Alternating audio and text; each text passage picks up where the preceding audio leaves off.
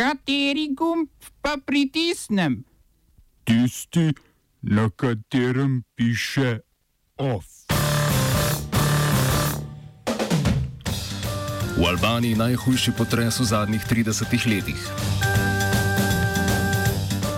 V Libanonu spopadi med protivladnimi protestniki in podporniki Hezbolaha. Tanja Fajon bo vodila delovno skupino evropskih poslancev za Schengen. O knjižnici Inštituta za novejšo zgodovino in protestnem pismu slovenskemu knjižnemu sejmu.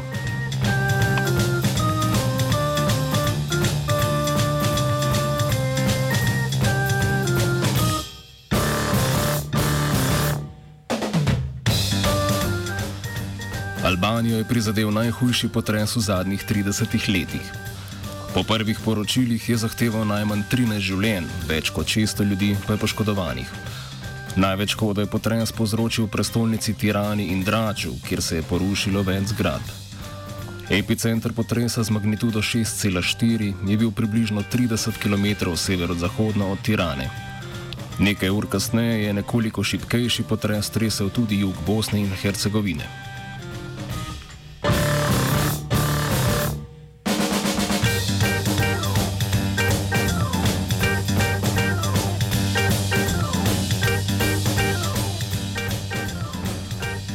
Libanonu so poslovneži nezadovoljni s počasnim sestavljanjem vlade napovedali stavko. Vlada je razpadla pred slabim mesecem po odstopu premijeja Sada al-Haririja, ki je sledil dlje časa trajajočim intenzivnim protivladnim protestom. Združenje libanonskih gospodarskih organizacij je pozvalo vse zasebne firme naj od četrtka do sobote protestno prekinejo z delom. Ni še jasno, ali se bodo pridružile tudi banke, ki so bile zaradi protestov zaprte že prva dva tedna v novembru, od začetka protestov pa omejujejo dvigovanje denarja z bančnih računov in menjavo libanonskega funta v tuje valute. Bančni sektor je bil poleg politične elite cilj gneva protestnikov zaradi močnih povezav z vladajočimi politiki.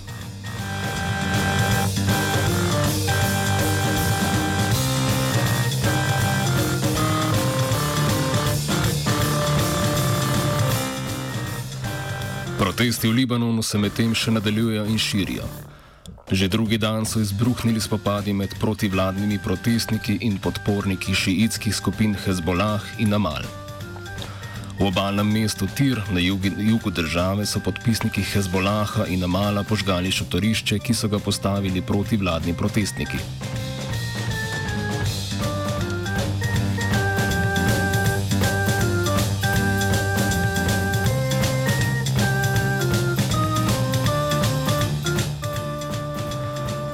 Ponudnik prevozov Uber je v britanski prestolnici izgubil operativno licenco. Londonska agencija za transport je Uberjev licenco vzela, ko so odkrili, da so najmanj 14 tisoč voženj opravili vozniki z lažno identifikacijo. Vzorec napak, kot so se izrazili v agenciji, je vključeval še neustrezen nadzor Uberja nad varnostjo in avtomobilskimi zavarovanji svojih voznikov. Uber je na podoben način izgubil licenco že pred dobrima dvema letoma, a se je takrat na odločitev pritožil in na sodišču dosegel podaljšanje licence za 15 mesecev.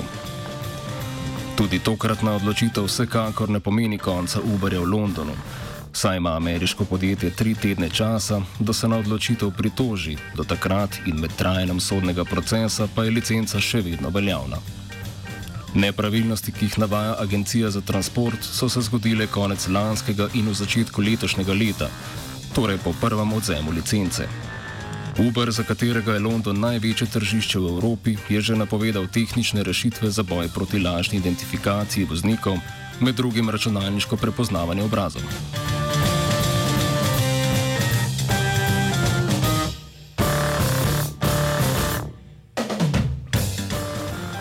Kitajska je v Shenzhenu na celinski strani meje s Hongkongom postavila krizni center za odzivanje na proteste v Hongkongu. Hkrati naj bi Peking razmišljal o menjavi vodstva urada za zveze s Hongkongom, urada, s katerim celinska Kitajska komunicira z oblastmi v Hongkongu. Voditeljica hongkonške vlade Carrie Lam je medtem povedala, da je Peking ne krivi za poraz proti kitajskih političnih sil na lokalnih volitvah pred dvema dnevoma. Hkrati je povedala, da je pripravljena na dialog, a ponovila, da ne pristaja na izpolnitev petih zahtev protestnikov, o katerih je za vlado najmanj nesprejemljiva zahteva po izvolitvi vseh poslancev, medtem ko jih je sedaj izvoljena zgolj polovica.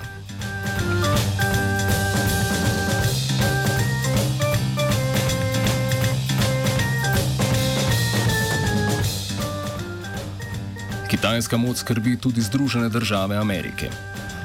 Rudarsko podjetje Peak Resources je napovedalo, da bodo najverjetneje dobili državno pomoč za odprtje rudnika redkih zemelj v gori Ngala v južni Tanzaniji.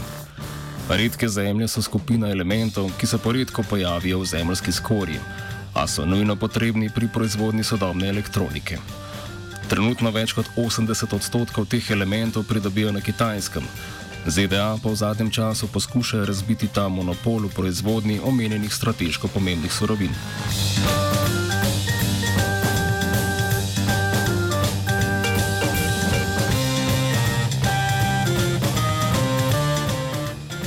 Mednarodni denarni sklad z angliško kratico IMF je Mehiki odobril novo posojilo težko 55 milijard evrov, ki ga bo morala vrniti v dveh letih. Posojilo bo zamenjalo prejšnje posojilo sklada v vrednosti 67 milijard evrov.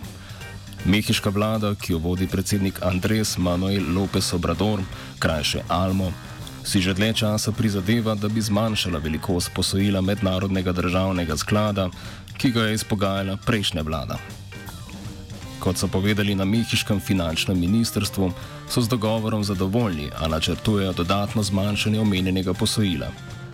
Mehika pomoč sprejema po instrumentu imenovanem fleksibilna kreditna linija, ki ima začetke v letu 2009. Od takrat pa je sklad posojilo vsake dve leti obnovil v predrugačeni obliki. Skupaj s posojilom IMF Mehiki daje tudi na svete glede gospodarske politike in reform. Glede teh se sklad in mehiška vlada v zadnjem času pogosto ne strinjata, predvsem glede privatiziranja državnih podjetij in sodelovanja državnega naftnega podjetja Pemex s tujimi naftnimi podjetji.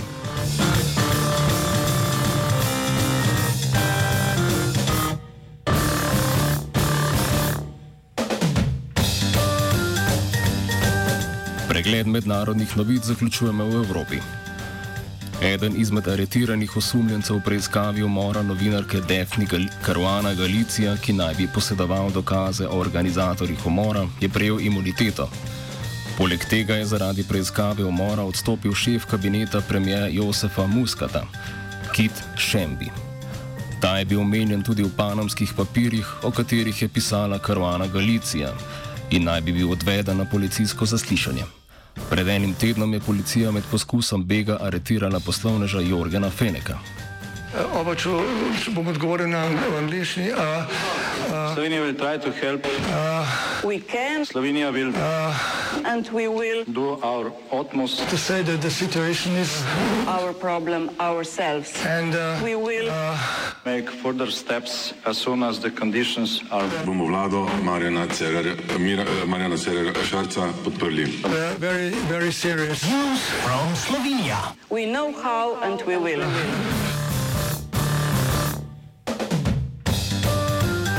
Evroposlanka iz vrst socialnih demokratov Tanja Fajon je postala predsednica delovne skupine Evropskega parlamenta za Schengen. Eno prvih nalog bo sodelovanje v pogajanjih o sprejetju Hrvaške v območje skupnega varovanja meje.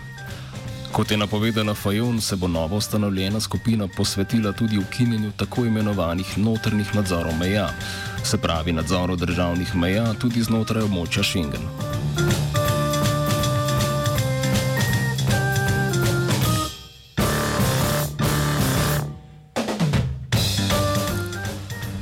Na Sovi so potrdili, da so v ponedeljek policijo in okrožno državno tožilstvo obvestili, da je pri objavi javnega dela poročila Komisije državnega zbora za nadzor obveščevalnih služb, krajše KNOVS, prišlo do večkratnega razkritja tajnih podatkov. Nekateri mediji so včeraj poročali, da je Sova ovadila predsednika KNOVS-a Mateja Tonina. Ta je danes na Twitterju delil odgovor državnega sodišča, na katerem so povedali, da so sprejeli sum storitve kaznivega dejanja izdaje tajnih podatkov, ki pa se ne nanaša na nobeno določeno osebo. Knovs je pred dvema tednoma objavil javni del poročila o arbitražnem postopku za določitev meje med Slovenijo in Hrvaško. V njem ugotavlja, da slovenska agentka Simona Drenik ni upoštevala zakona o tajnih podatkih, kar slednja sicer zanika.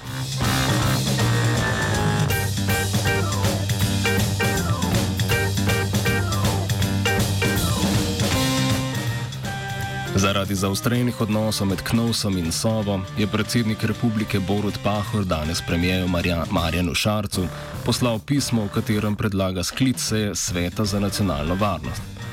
Na njo je Pahor poleg Šarca in Tonina povabil tudi predsednika državnega zbora Dejana Židana in Janeza Janšo kot voditelja največje opozicijske stranke.